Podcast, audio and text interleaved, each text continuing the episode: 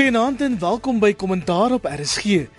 Hier bespreek ons die vernaamste nuusgebeure van die week en vanaand vra ons hoe ernstig is die dreigemente teen die parlementêre leiers wat Dina Pule finaal vasvat. Het die ANC regtige bloedneus gekry by die week se tussenverkiesings? En wat skuil agter Corruption Watch se vuishou na Zwelinzima Wawi?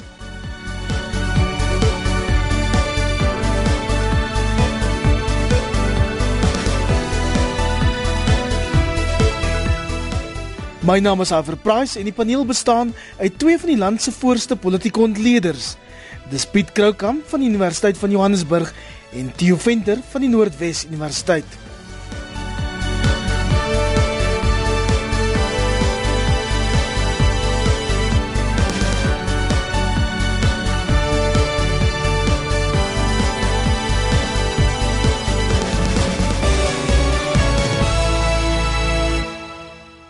Die twee mense wat aan die hoof staan van 'n parlementêre ondersoek teen Dina Pule, die voormalige minister van kommunikasie, is tans onder dag en nag beskerming.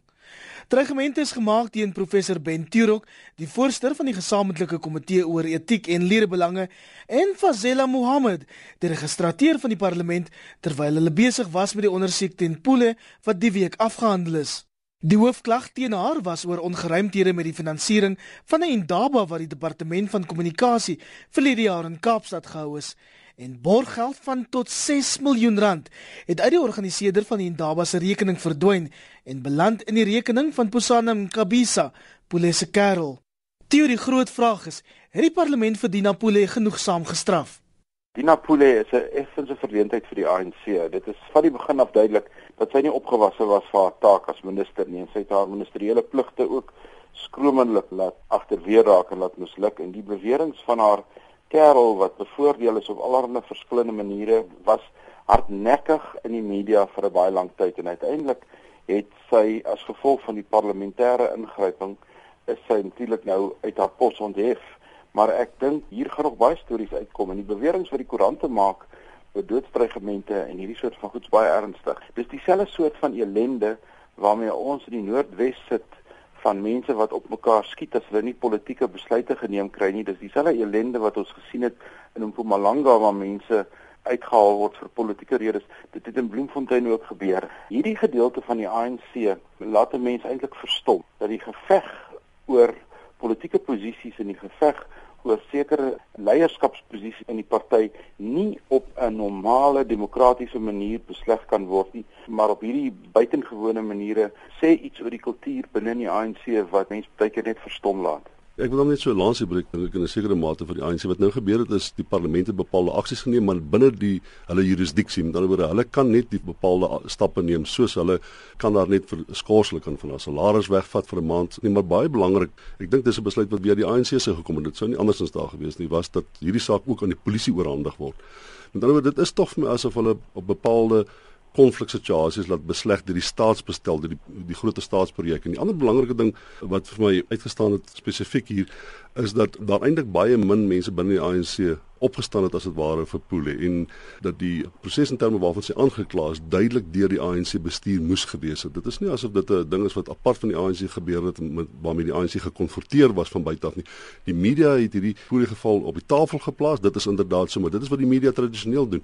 Maar ek dink daarvan af het die ANC dat haar eh, sy's nie meer 'n minister nie, sy's deur die parlement aangekla, daar's bepaalde stappe geneem en nou word dit na die polisie toegestuur. Die heel belangrikste ding egter eh, hiervan is aan die ander dag het iemand in die media bietjie koppe getel en toegesien dat daar hier rondom 56 politici al die laaste klompie jare in Suid-Afrika vermoor is. Ek dink dit is 'n teken van die onbestendigheid van politieke mededinging in Suid-Afrika. Daai grens wat jy wou gehad het tussen 'n civil tipe van political contestation en wanneer die stakes so hoog word dat geweld 'n opsie word. Ek dink daai twee lyne loop baie naby. Ek dink wat Theo ook miskien probeer sê, daai twee lyne loop baie naby mekaar, maar dit kan ek nie noodwendig vir die ANC se deur lê nie. As jy in KwaZulu-Natal gaan sien, ander kleiner partye is ook daarbey betrokke. Saak is uiteindelik aan die polisie oorhandig en dat dit lyk asof daar genoeg bewyse is en genoeg individue geïdentifiseer is dat daar 'n proses en 'n prosedure gaan wees om die probleem aan te spreek en ek dink in daardie opsig die, die staat vervul sy funksie, die regsproses vervul sy bepaalde funksie en ek dink die ANC het op 'n baie verantwoordelike wyse toegelaat dat die proses tot daar kom waar dit buite hulle beheer is en dan word die polisie oorneem, die staat oorneem en die NPA oorneem. Mens moet baie keer so klein bietjie perspektief kry op hoe die ANC sy interne dissipline hanteer. Die ANC is nie soos die DA 'n party geskoei op sekere kom ons noem dit universele partybeginsels nie die ANC en sy alliansie die Engelse het 'n baie mooi naam so broad church met ander woorde as jy die ANC bestuur dan bestuur jy eintlik 'n klomp belanghebbendes stakeholder management. Dis eintlik wat in die ANC die gang is. Dis hoekom dit so moeilik is baie keer om van moeilike ouens in die party ontslae te raak. Waar wie is 'n voorbeeld? Ons tyd het kan ons daaroor praat. En hoekom dit so moeilik is baie keer om van ouens wat in senior leierskapsposisies is ontslae te raak. Want hulle verteenwoordig nie hulle self altyd nie. Hulle verteenwoordig ook ander belange wat vir die ANC verskriklik belangrik is om bymekaar te hou om daai groter kollektief bymekaar te hou. So die bestuur van 'n alliansie is net soveel maal moeiliker as die bestuur van 'n enkelvoudige politieke party. Maar wie iwer daar's 'n ander element ook en dit is ons het um, tipiese ons altyd geargumenteer dat uh, korrupsie of die wanbestuuring van fondse verkrye mate van beskerming as gevolg van en dan assosieer dit met sê maar met Jacob Zuma se administrasie omdat Jacob Zuma miskien op een of ander manier verdink word van bepaalde goed sal politici wat ook daarvan verdink word altyd 'n vorm van beskerming geniet. En hier sien ons nou is duidelik nie so nie. Eerste plek het hy die minister afgedank. Nou mense moet vra watter kragte is teenwoordig binne die ANC of binne die regering wat daardie tipe van druk op die uitvoerende gesag uitoefen sodat hy wel so aksie neem wat 'n mens sou sê hy tipies nie sou neem nie. Nou dis hoekom ek sê en ek dink daar stem ek met jou saam die, die ANC is baie diverse organisasie. Daar's 'n klompie ouens binne die ANC. Daar's waarskynlik 'n bepaalde groepering wat sê ons moet ter wille van effektiewe landbestuur moet ons bepaalde aksies neem al is dit ook teen lede van die uitvoerende gesag. So die ANC is nie per definisie 'n organisasie wat laer trek rondom eh, sy uitvoerende lede of rondom korrupsie nie. Daar is diverse stemme binne die ANC en soms wen die stemme van rede en soms sou mense kon argumenteer dat as gevolg van 'n politieke magspel waarskynlik nie noodwendig geregtigheid kom nie, maar die feit bestaan is dis nie so duidelik om te sê die ANC noodwendig onder alle omstandighede probeer om sy uitvoerende gesag te beskerm ten alle koste nie. Ja, die beste voorbeeld daarvan Piet was nadat president Zuma deur president Mbeki basies uit die party geskop is, uit die partyposisies geskop is en dis meer, het daar by 'n algemene general council van die ANC wat in Pretoria plaasgevind het, het hulle daardie posisie met betrekking tot die party omgedraai en vir Mbeki gesê jy kan hom skors as jou adjunkpresident, maar jy kan hom nie skors as adjunkpresident van die ANC nie. En dit het veel presies daai verskillende foutlyne jou gewys hoe die hoe die party kan optree binne die staatsverband en staatsgesag en wanneer dit in daai gedeelte voorkom, maar wanneer dit partyverband en partyverbande is, is dit 'n totaal ander dinamika wat hom afspeel. Theo, wat maak jy van die doodsdreigemente teen professor Tirok en Fazela Mohammed? Neem jy dit so ernstig op soos Piet? In die politiek neem ek doodsdreigemente altyd ernstig op. Die politiek is juis as mens kyk oor die ontwikkeling van die politiek oor millennia, dan is die politiek juis ontstaan in die gemeenskap om geweld op 'n ander manier te bestuur. Van tevore hierdie ouens hierdie soort van goeters met swaarde uitgesort of hulle pistoolgevegte gehad of wat ook al. En ons het oor die laaste 3-400 jaar universeel begin sê ons kan die goeters mos anders hanteer. Ons is besig met enige land se toekoms op die stadsplein. Kom ons praat daaroor. Kom ons sit die probleme op die tafel, ons debatteer dit, ons kyk wie is die meerderheid, wie is die minderheid en ons werk op 'n manier vorentoe. Die oomblik wanneer jy kom met hierdie soort van onkonvensionele eintlik lyk dit vir my net soos wat 'n mens sou kry as jy hierdie private bendes kry soos wat jy in Suid-Amerika gekry het en allerlei goeters. Dit ondergrawe die geïnstitusionaliseerdheid van die politiek as jy met doodsdreigemente kom. En nou Ben Turok is 'n klassieke ou ANC is 'n oom met verskriklike integriteit.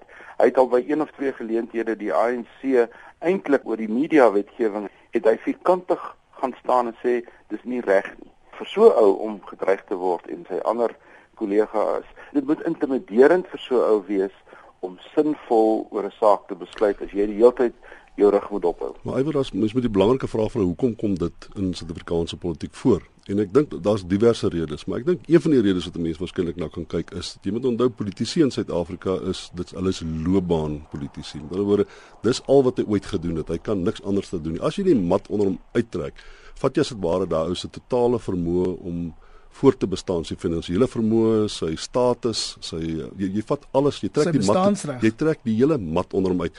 En ek dink in stelsels waar sê net maar dit was vir hom moontlik om sê okay, goed, ek gaan terug na my regspraktyk toe of ek gaan terug uh, na my na my winkel toe. Dan was dit totaal iets anders geweest, maar daar omdat ons die beginsel of die uh, verskynsel van loopbaanpolitici word politieke stryd word 'n zero sum contest. As ek nie in is nie, het ek niks nie. Ek word ek is totaal buite die stelsel. Ek verloor alles wat ek het. Dit is waarom die politieke gevegte op plaaslike owerheidsvlak ook so intens is want as jy jou wijk verloor of jou benoeming verloor jy alles. Dis werkloos. Jy's werkloos. Die groot nuus die week in Gauteng was die feit dat die voorsitter van die ANC in Gauteng, Paul Mashatile, gesê het die DA se premierskandidaat vir die provinsie, Musi Maimane, hou nie bedreiging vir die ANC in nie. Mashatile is oortuig dat die ANC met 'n groot meerderheid in volgende jaar se verkiesing sal wen. Die DA het Vrydag aand aangekondig dat Maimane verkies is as die party se premierskandidaat vir Gauteng. Piet, is Musi sterk genoeg om hierdie provinsie te kan wen? Nee, ek dink nie Moesie is sterk genoeg nie. Ek dink die die DA dink hy sterk genoeg nie, maar ek dink ook hulle aanvaar dat dit 'n tipe van 'n kollektiewe stryd sal wees. Hulle sal waarskynlik van 'n groot kanonne hiernatoe stuur. Hulle sal geweldig baie geld spandeer daar op die verkiesing hier. So ek dink dit gaan 'n meer diverse stryd wees wat hulle gevoer in Gauteng. Maar jy moet ook onthou dat onder uh, sy leierskap in die laaste verkiesing die plaaslike regering het eintlik baie goed gedoen. Hulle het hulle hulle het beduidend beter gedoen in die verkiesing as in vorige verkiesing. So hy is 'n baie intelligente persoon, hy's 'n baie karismatiese persoon. Sy probleem is dat ek dink nie hy hy's nie vreeslik wyd buite die uh, DA bekend nie. Dis nie asof hy soos hulle Engels sê 'n standing het onder ANC ondersteuners wat hulle sê maar hy is 'n duidelik identifiseerbare karismatiese sterk leier wat as alternatief aangebied word en ons moet daarteen moet ons opstaan nie. As Paul Masitire sê hy voorsien nie dat my manie 'n uh, 'n spesifieke groot faktor gewees het. Is hy waarskynlik in 'n mate reg? Ek dink daar's ander groter probleme wat Paul Masitile sê oog moet ophou en dit is die stryd wat binne die ANC binne in Gauteng gaan bestaan want dit is soos wat ons nou gesien het in Klokwe dit kan so wees dat die ANC se steun geïrodeer word as gevolg van 'n interne stryd. Met ander woorde as hulle werklik wil geld fokus moet hulle kyk hoe kan hulle eie strukture bestendig en dan sal die die oorwinning sal as dit ware as 'n normale proses kom. Maar as hulle nie dit kan bestendig, sal mense soos Woesie Maimane sal waarskynlik dan 'n baie sterker persoonlikheid met ter tyd kry. Theo, dink jy die DA het 'n fout gemaak deur nie vir Jack Bloem te verkies nie? Nee, Jack Bloem kom uit die ou Tony Leon era uit. En dit is 'n soort oppositie wat die DA nie nie vorentoe vat nie. Dit dit skep geweldige spanning en daar is 'n soort van 'n politieke animosity wat ontstaan met Jack Bloem se tipe leierskap. Ek stem met Piet saam. Ek dink die DA het 'n ander keuse gehad. Net soos wat hulle ook nie 'n keuse gehad het met Lindiwe Masibuko nie. Dit is as die DA in 'n sekere politieke mark wil ingaan, is die soort leiers wat hulle nou kies betekenisvol en belangrik en kan hulle eintlik nie anders doen nie. Maar die interessante ding is ons is nou so 8 maande weg van die verkiesing af en, en julle sal maar elke Sondag aand so 'n klein 5 of 10 minute gaatjie moet oopmaak want die politieke proses het eintlik begin. Die veldtogte aan die verskillende kante. Gauteng is natuurlik die eerste prys in Suid-Afrika volgende jaar as 'n provinsie. Hy het nou ongeveer 12 miljoen inwoners. Hy is die grootste provinsie. Hy is waarskynlik die mees diverse provinsie en hy is die provinsie waar ons noem dit die middelklas die sterkste gedefinieer word in terme van mense wat wegbreek van hulle ou sentimentele verbintenisse aan byvoorbeeld die ANC of die DA of die PAC waar hulle meer gekonfronteer word deur daaglikse besluite oor besluite van effektiewe bestuur en effektiewe regering waar hulle gekonfronteer word met 'n ding soos die e-tolstelsel wat almal gaan raak So ek dink Gauteng volgende jaar gaan 'n baie interessante en 'n baie intense veldtog wees waar die onderskeid tussen plaaslike regeringssake en nasionale sake totaal en al gaan verdwyn en dit gaan 'n veldtog word waar ek het 'n idee die partye belangriker gaan wees as die leiers. Ander provinsies mag dit anders wees, maar Gauteng gaan die issues baie sterk wees. Ek wil so 'n bietjie terugkom dink na jou oorspronklike vraag toe en daar daar's toe Jack Bloom nou sê maar hy hy staan as premierskandidaat daar was tot op iemand anders so gewees. Het ek jy het mense amper so half benoude gevoel en dink ag jy het is is dit nou die pad wat die DA potensieel kan loop. Maar die feit bestaan is die feit dat iemand soos Jack Bloom met 'n wit kandidaat is wel gestaan het en wel na afloop van 'n bepaalde proses en prosedure en besluit en waarskynlik 'n bietjie van 'n stemproses inderdaad aangewys word uh, as my, man aangewys word as die die premierskandidaat is eintlik baie goed vir die politieke party. Dit wys dat daar 'n bietjie meer dinge is. Ongeag jy weet mense vrees nou die een scenario dit kan dit kan waar word, maar uiteindelik word dit nou nie waar nie. Maar dit is belangrik dat dit lyk asof daar meer dinge binne die binne die DA is dat daar 'n bepaalde kiesproses en prosedure is en dat uiteindelik die want nou dit skep nou die indruk die beste persoon is aangewys. As my man die enigste kandidaat was kon 'n mens maklik stemme gehoor sê ag wel dis omdat hy swart was daarom is hy die premier. Maar daar's my geen twyfel as ek nou kyk na die twee kandidaate oor 'n bepaalde tyd dat my man nie die beste kandidaat is nie. Die feit dat daar 'n stemmery was en 'n prosedure was bevestig nou die punt dat uiteindelik sal die meriete van my man het gewen en nie die feit dat hy swart is nie. Kyk ons weet my man is relatief nuut in die politiek uit maar eers in 2011 begin met 'n besigheidsagtergrond, maar hoe belangrik is die feit dat hy swart is vir 'n provinsie soos Gauteng? Wel, dis dis belangrik vir Suid-Afrikaanse politiek dat hy met swart wees. Dis belangrik vir oppositiepolitiek in Suid-Afrika dat hy met swart wees. Ek kan nou vir jou sê, ons weet dat hier rondom 3% van uh, tradisionele ANC ondersteuners het oorbeweeg na die DA toe in bepaalde verkiesings. Maar die feit bestaan is as daar nie 'n alternatiewe swart Suid-Afrikaners kom om voor te stem nie. Ek sê die ander dag toe sê ek vir 'n oomie by 'n vergadering toe sê ek vir hom sal jy vir die ANC stem? Toe sê nee, magtig, hoe kan ek nou dit doen? Nou toe sê ek maar hoe kan jy verwag van 'n swart Suid-Afrikaner om noodwendig vir die DA te stem? Dis dieselfde psigologiese firewall wat daar ingebou is in die proses. Maar wat interessant gebeur die laaste ruk in Suid-Afrika is daar kom tog alternatiewe na vore in die politiek. Ag gang is intussen daar. Ek dink die verskynsel op plaaslike regeringsvlak van onafhanklike kandidaate kom daar so dit dit maak die politieke stelsel meer mededingend omdat alle Suid-Afrikaners swart Suid-Afrikaners spesifiek 'n diversiteit van opsies het. Hulle hoef nie daarvan beskuldig te word dat hulle noodwendig vir 'n ou koloniale party stem of vir die liberale stem nie. Daar is ander alternatiewe. En ek dink in daardie opsig is dit krities dat wat nou gebeur. Dit gebeur maar die laaste jaar of twee wat dit gebeur dat Suid-Afrikaanse politiek bied meer opsies vir meer kiesers. Daar is ja. uh, veral wat gang betref en die mense weet ek wil nie vir hulle te veel voorspraak maak nie, maar ek sal baie graag wil hê dat hulle goed gevestig moet word, 'n groot diverse leierskap moet hê, ordentlike strukture in plek moet kry, want dit gee aan swart Suid-Afrikaners wat voel die DA is, is 'n stappie sielkundig net te ver. En mense sien dit is daar. Dit is vir hulle 'n stappie te ver. Dit gee vir hulle 'n wesentlike alternatief. Stem jy saam met jou? As 'n mens kyk na die opnames wat Markinor gemaak het van 1990 af en ek volg dit baie nou geset al vir die laaste 20, 25 jaar dan is Piet heeltemal reg. Daar's omtrent so 1 na 2% blankes, wit mense wat die kans sien om vir die ANC te gaan stem. En dan is daar 'n soortgelyke klein proporsie swart kiesers wat kans sien om vir 'n wit party te stem. So ons moet weet dis die gegewe in Suid-Afrika. Nou mense, daar's baie emosionele standpunt hieroor, maar dis wat die feite sê oor Suid-Afrika oor die laaste 20 of 30 jaar. En die ding wat ons gesien het byvoorbeeld wat Piet se standpunt ondersteun in in Potchefstroom die afgelope week of twee en ons sal dit weer sien in die middel van September. Die DA het 'n plafon. Hy het 'n plafon in terme van die Suid-Afrikaanse politiek op die oomblik wat hy nie maklik by verby gaan kom nie. En dit lê hierso so tussen 20 en 25%. Soos wat hy tans sy politiek bedryf, gaan hy nie deur daai plafon breek nie. Die ANC weer sit bo en hy is besig om af te beweeg in die 50% in. Tussen daai 25% hieronder en die 50% bo lê daar omtrent 30% van die Suid-Afrikaanse kiesers wat nie geakkommodeer kan word nie en daai spasie in die middel. Aanvanklik het baie van ons gedink Cope kan miskien iets van daai uh, spasie opneem, maar Cope is in duie. Cope het in duie gestort. Ons kan dit afskryf. Cope het byvoorbeeld in die verkiesing die week net 8 stemme gekry in in in Potchefstroom. Dit wys jy hy en die PAC het het het, het in die kant het weggeval. En daai daai spasie in die middel kan nie op die oomblik opgevul word nie vanweë kiesergedrag, mense se emosionele posisie en dies meer en dies meer. En daarom is koalisiepolitiek in alle waarskynlikheid die toekoms om daardie gaping vol te maak en, en vir die ANC so klein bietjie van 'n kompetisie te gee in die politiek. Maar dit gaan in Gauteng die sterkste van alles afspeel. Die Weskaap is anders want die Weskaap se demografie lyk anders en ek dink die hele situasie daar lyk anders en die ander groot provinsie KwaZulu-Natal is eintlik 'n gegewe ANC provinsie omdat IFP wat aanvanklik 'n groot speler was ook op homself in duie gestort het. Hy is eintlik nou besig om in twee te verdeel en as meneer Boetelesi die dag sy uh, politieke skoene ophang dan val die IFP plat. Toe weer 'n belangrike vraag vir my is, nê, is uh hierdie groepering wat ons veronderstel wat kan beweeg na ander politieke partye wat krities word van die ANC wat hulle self bevry in terme van die historiese verknogtheid in die ANC. Mense altyd vra wat is wat is wat wat is die politieke natuur van hierdie dier? En vir my is dit 'n interessante verskynsel. Dit is dit dit is nie mense wat aan die linkerkant is soos wat baie wit Suid-Afrikaners byvoorbeeld dikwels argumenteer. Om die waarheid te sê, dit is normale mense wat voorstanders van die grondwet wat 'n tipiese liberaal demokratiese politieke natuur het wat beter dienslewering wil graag hê in hulle areas.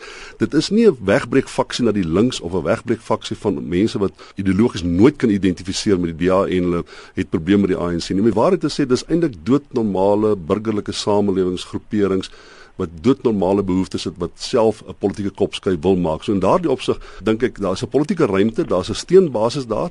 Dit hang nou af van politici om 'n sekere mate politieke kapitaal daai te maak. Watter mate kan liberaal demokrate soos Agang hulle self verbind in daardie groepering, maar hulle is daar en hulle is nie aan die links nie. Mens moet versigtig wees om te dink dat die groepering wat wegkom beweeg van die ANC het alles te doen met eh, sê net maar die service delivery strike of die geweld wat daarmee geassosieer word. Dit is nie waar nie. Daar's 'n groot groep Suid-Afrikaners wat liberaal demokratiese voorstanders van 'n ordentlik gevestigde, goed gewortelde nasiestaat wil dit politieke tuiste soek en hulle kan moontlik beweeg na ander partye toe.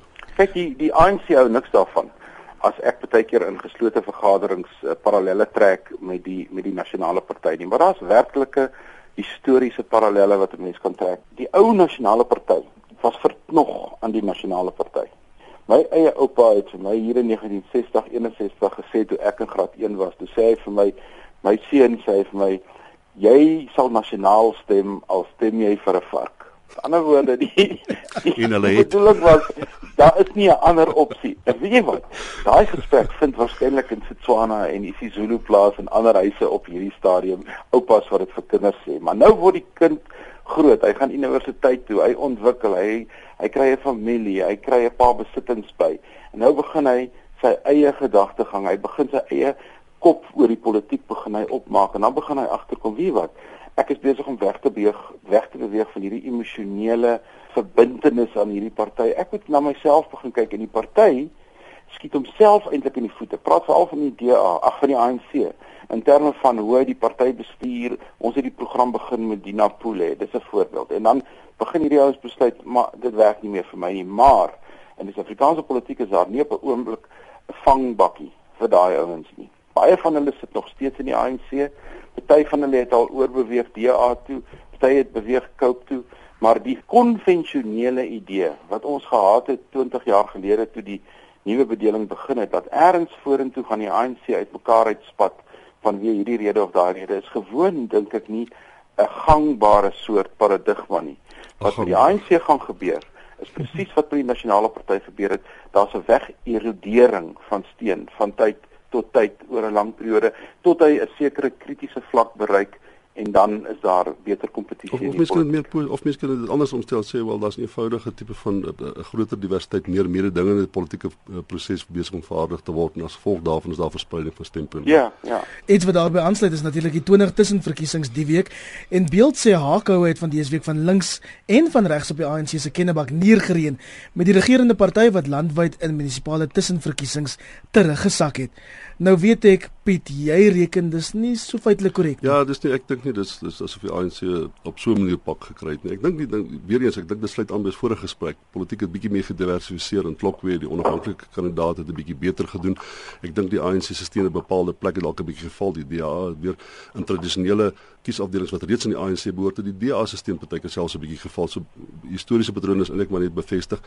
Maar ek dink die belangrike ding is is dat daar's 'n nuwe politieke verskynsel. Ek dink die onafhanklike kandidaat het effe beter gedoen. Wat my baie snaaks was, die DA moes nou in in Klokwe moes hulle moes nou geweet het dat die onafhanklike kandidaat gaan goed doen en hulle kan nie bekostig om enige politieke skade aan sy saak aan te rig nie terwyl hulle van die groter prentjie dat as die onafhanklike kandidaat wen dat hulle 'n beter kans om uiteindelik waarskynlik Klokwe te bou.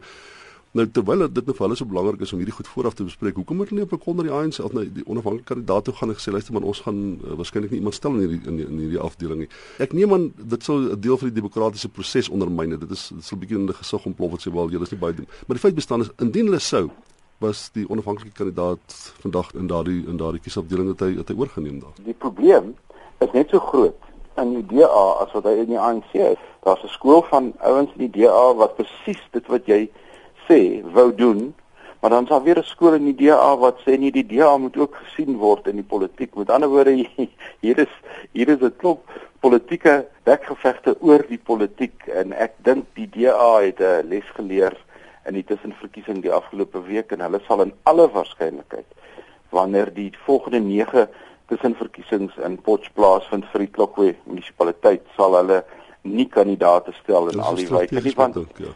Jy weet dit is dieselfde probleem wat ons nou meer sit as wat ons in die ou dae gehad het dat die en daar die kiesstelsel het anders gelyk dit was 'n first past the post kiesafdelingsstelsel en die die konservatiewe party, die ou KP en die ou HNP kon nooit langs dieselfde vuur sit nie.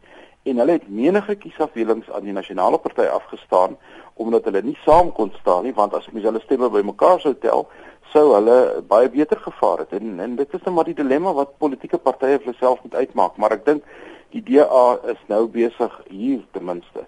En en jy moet ook onthou dit wat hier gebeur is nie net ehm um, net soos met die ANC is nie 'n suiwer besluit wat op op plaaslike vlak in Potch geneem word nie Kaapstad Ellenzelle en streeksbelange alles word gereken in so 'n besluit maar ek dink hulle is terug na die tekenbord toe daai en, en hulle maak so groot gewag daarvan dat oppositiepartye moet saamwerk en hulle is so intens bewus daarvan dat een enkele politieke party sal nooit die ANC die kussings uit kan lig nie dat ek verbaas is dat hulle kon wegstaan die groter prentjies sien en hulle tyd gehad en sê okay goed as ons 'n kandidaat hier stel kan ons die groter prentjie verloor. Dit is baie snaaks dit nie gebeur het nie. Die groot vraag vir my is ons het vir weke voorspel dat dit 'n stryd tussen die DA en die ANC sou wees, spesifiek in Klokwe.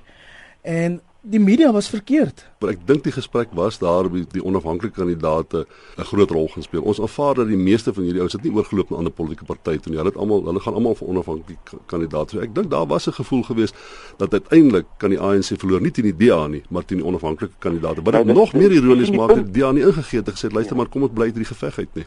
Dis die punt wat ek net nou gemaak het oor die spasie tussen die maksimum steun wat die DA kan verwerf en die minimumsteun wat die ANC kan verwerf. Daai gaping word op die oomblik deur die onafhanklike kandidaate opgeneem want Cope kan dit nie beset nie. Agang kan dit nog nie beset nie. Niemand neem die EFF op hierdie stadium eintlik regtig ernstig op nie. So dis daai gaping in ons politiek waaroor die konflik eintlik gaan en die die media was verkeerd, Iwer, jy's reg want hulle het nie hulle huiswerk gedoen nie. Hierdie tussenverkiesing wat nou plaasgevind het, is afgekondig, geproklaameer voordat die krisis in die Klokwe stadsraad ontstaan het. Met ander woorde die kandidate wat gestel is en die aanloop tot hierdie tussenverkiesing het 'n heeltemal 'n ander oorsprong gehad. Dit was 'n ANC kandidaat wat uit sy eie uit bedank het. Hy was 'n skoolhoof of 'n onderwyser en die ANC het nou 'n beleid om Piet se vorige punt nou te bevestig dat jy mag nie twee poste hê nie. Jy mag nie 'n normale werk in die in die burgerlike samelewing hê soos om 'n onderwyser te wees en 'n politikus nie. Jy kan net een werk hê. So die ANC maak eintlik vir loopbaangerigte politici. Hierdie verkiesing het ontstaan as gevolg daarvan.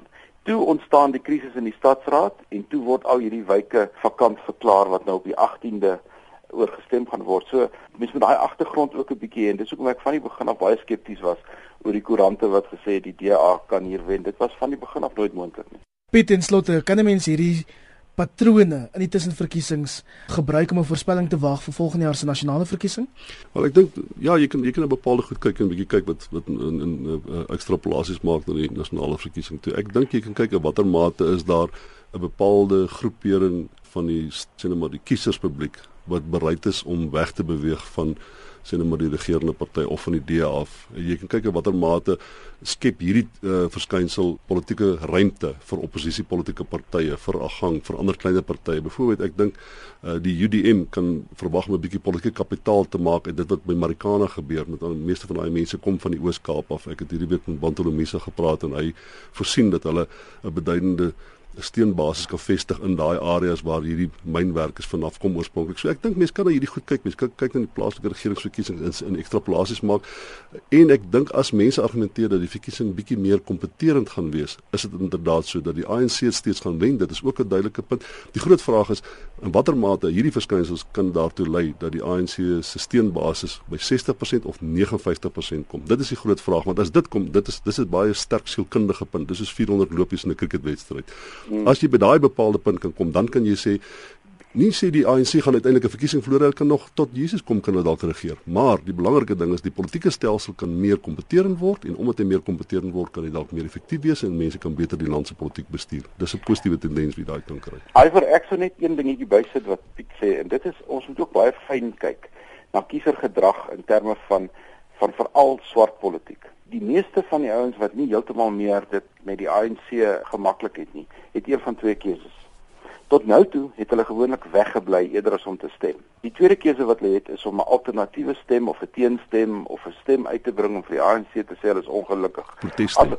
Ja, as hulle wegbly, dan sê dit eintlik niks. Dan weet ons nie wat eintlik wat hulle ge, gemaak het nie. So die protesstem mag dalk in 2004 'n belangrike verandering wees in kiesergedrag. Ek sê dit mag dalk, want kiesergedrag verander baie stadig. En dis eintlik die twee keuses waaroor hierdie ons het die was 3700 geregistreerde kiesers in die wijk wat die week plaasgevind het. Die totale uitgebragte stemme was so net so oor die 2000. Met ander woorde daar was daar was 1700 kiesers wat nie die moeite gedoen het om te gaan stem in 'n hoogs bestrede soort van omgewing waar almal bewus is van die kwessie. So die wegbly stem is nog steeds groot en hy gaan in 'n groot mate in 2014 ook 'n bepalende sê hy's gewoonlik die wegbly stem. Is gewoonlik die tweede grootste party in Suid-Afrika.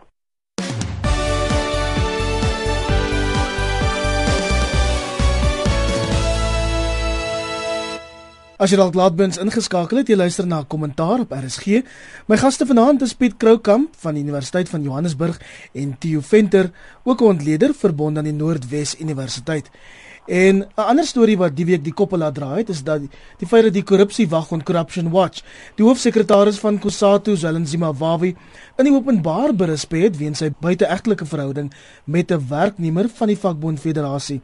En Piet Wawi sê dis betreurenswaardig dat geslagsgeweld en misbruik in Suid-Afrika in ag geneem is in die besluit om hom tereg te wys. Stem jy daarmee saam? Ja, ek stem daarmee saam. Ek dink juis die verhouding tussen gesag en die vrou die posisie waarin vroue hulle self in Suid-Afrika bevind wat mens polities in 'n soort van 'n ondergeskikte rol kan kan kan as uh, definieer is is, is krities. Ek dink dit is deel van die probleem in Suid-Afrika die mate waartoe politieke mag en politieke gesag en testosteron vrouens se posisie bepaal in Suid-Afrika. Maar ek moet daarmee vir sê ons moet nie die groot prentjie weer eens verloor nie. Ek dink hier rondom uh, in die 40% van die parlement se uh, lede is vroue in die kabinet is as hier in die 30% is vroue. Ons doen eintlik internasionaal gesproke in terme van internasionale tendense veral in die westerse wêreld doen ons baie baie goed. Dis ek dink ons kompeteer met skandinawiese lande. So verteenwoordiging van vroue het baie baie momentum gekry in die laaste sedert die ANC in 1994 oorgeneem het. Maar die feit bestaan is dis nie waar ons werklike probleem nie. Ons werklike probleem lê juis op die vlak waar waar wy beskuldig van is en dit is waar daar tipe van ek en ek en ek neem aan daar was nie daar's nie 'n geval van verkrachting gewees het. Dis mos nou wat die argument dis mos ook die argument nie. Maar die feit bestaan is daardie waar vrouens in 'n posisie geplaas word, seksueel sosiale posisie geplaas word waar hulle self nie kan verdedig nie. Waar wy moet ongelukkig maar ek dink die politieke konsekwensies daarvan opneem dat hy in 'n baie baie kritiese tyd vir homself polities maar ook in 'n spesifieke tyd wat sê net maar dis vroue maand hierdie. Dat hy 'n situasie balans waar baie jonger vrou is hy in 'n posisie geplaas waar sy haarself waarskynlik nie kon verdedig nie of sy daartoe saamgespeel het of sy ingestem het dit maak nie saak nie. Feit bestaan is dit herbevestig daai wanaangepaste magsverhoudinge wat tussen mans en vrouens bestaan en wat noodwendig tot nadeel van vroue is. Die hoe lank gaan Wawie nog oorleef? Die probleem hier is dat uh, Wawie doen nogal nie sleg in terme van die krisishantering van waar hy is nie. Deur die saak openbaar te maak en te erken wat gebeur het, het hy 'n groot mate druk van hom afgehaal in die openbare omgewing, maar die lang messe is uit vir Wawi binne die ANC en binne Kusatu. Ek dink nie president Zuma is gemaklik met die rol wat Wawi speel nie en uh, enige so iets soos hierdie. Ons het nou die dag gesê Wawi het homself baie kwesbaar gaan maak uit sy eie uit, nie ander mense nie, dis nie 'n komplot teen hom nie. Hy het dit uit sy eie uit gedoen. En wanneer 'n mens in so 'n fyn politieke spel is as wat waar wie op die oomblik is, is dit die laaste ding wat jy aan jouself wil doen. Maar ek dink hy's nog steeds baie kwesbaar en ek dink wanneer die saak nou uiteindelik sy loop gaan neem, gaan twee goed wat Piet gesê het waarskynlik teen waar wie tel. Die eerste een is hy was in 'n senior posisie, hy's die hoof van die vakbond. En die tweede plek is die vroue ondergeskikte van hom, met ander woorde haar opsies is baie min in 'n in 'n magspel het sy eintlik niks die derde ding wat vir hom nogal gaan seermaak is dat sy op 'n onkonvensionele manier aangestel is in die organisasie. En dit mag vir Wawie seermaak en en dit maak hom net meer kwesbaar. Maar ehm um, sy probleme is nog nie uitgesorteer. Wat, wat hom beskerm? Wat hom, ek dink my mate beskerm boonbehalwe dat ek dink dit is mos nou 'n historiese geveg. Dit kom ons nie van gister af nie. Ons weet hoe loop die magslyne binne die vakverbond nou en binne Kusatu nou. Maar wat hom ek dink om 'n groot mate beskerm teen spesifieke aksie van die ANC het juis en dit het te doen met die verkiesing van van volgende jaar. As Wawie op die ou end byvoorbeeld 'n bepaalde deel van die vakbonde kan kry om hul polities op so 'n manier te gedra dat nie vir die ANC gaan stem nie. Versterk jy probleme wat reeds bestaan. Ons weet dat MKO-lede gaan nie vir die ANC stem nie, want jy kan nie vir MKO vir die ANC stem wat deel is van noem as jy in so 'n verkiesing kom. Jy sal moet vir oppositie politieke partye moet stem. Onthou daar's reeds 'n verdeling in eh, die vakbonde was 'n baie baie sterk steunbasis wat verkiesings aanbetref vir die, vir die ANC. Jy kan maar kyk in al die myngebiede die ANC 80 en 90% van die stemme gekry. Skielik is daardie soliede magsbasis wat wat steunbasis wat stempatrone aanbetref word 'n bietjie geïrodeer deur die politiek wat in die afgelope tyd sedert Marikana afgespeel het. As jy vir Bawie verder vervreem, moet jy onthou op hierdie stadium dink ek is die vakbonde wat hom steun is eintlik die tweede grootste vakbond of groep binne in Kusatu. En hy kan hom byvoorbeeld skaar by groepe soos by NAKTO. Dan kan jy kry dat dit weer konsekwensies vir die ANC het by die stem oor die by die verkiesing betref volgende jaar. So hierdie ding het eintlik soos uit baie baie tentakels. Dit gaan oor persoonlikhede, dit gaan oor etiek, maar dit gaan ook oor die verkiesing van volgende jaar. Dis dan al waarvoor ons tyd het vanaand hier op kommentaar. Baie dankie aan my gaste Piet Kroukamp, 'n politieke ontleder verbonde aan Universiteit van Johannesburg. Baie dankie, lekker aand. En dankie aan Theo Venter, 'n politieke ontleder verbonde aan die Noordwes Universiteit. Goeienaand almal. Van my Iver Price, totsiens.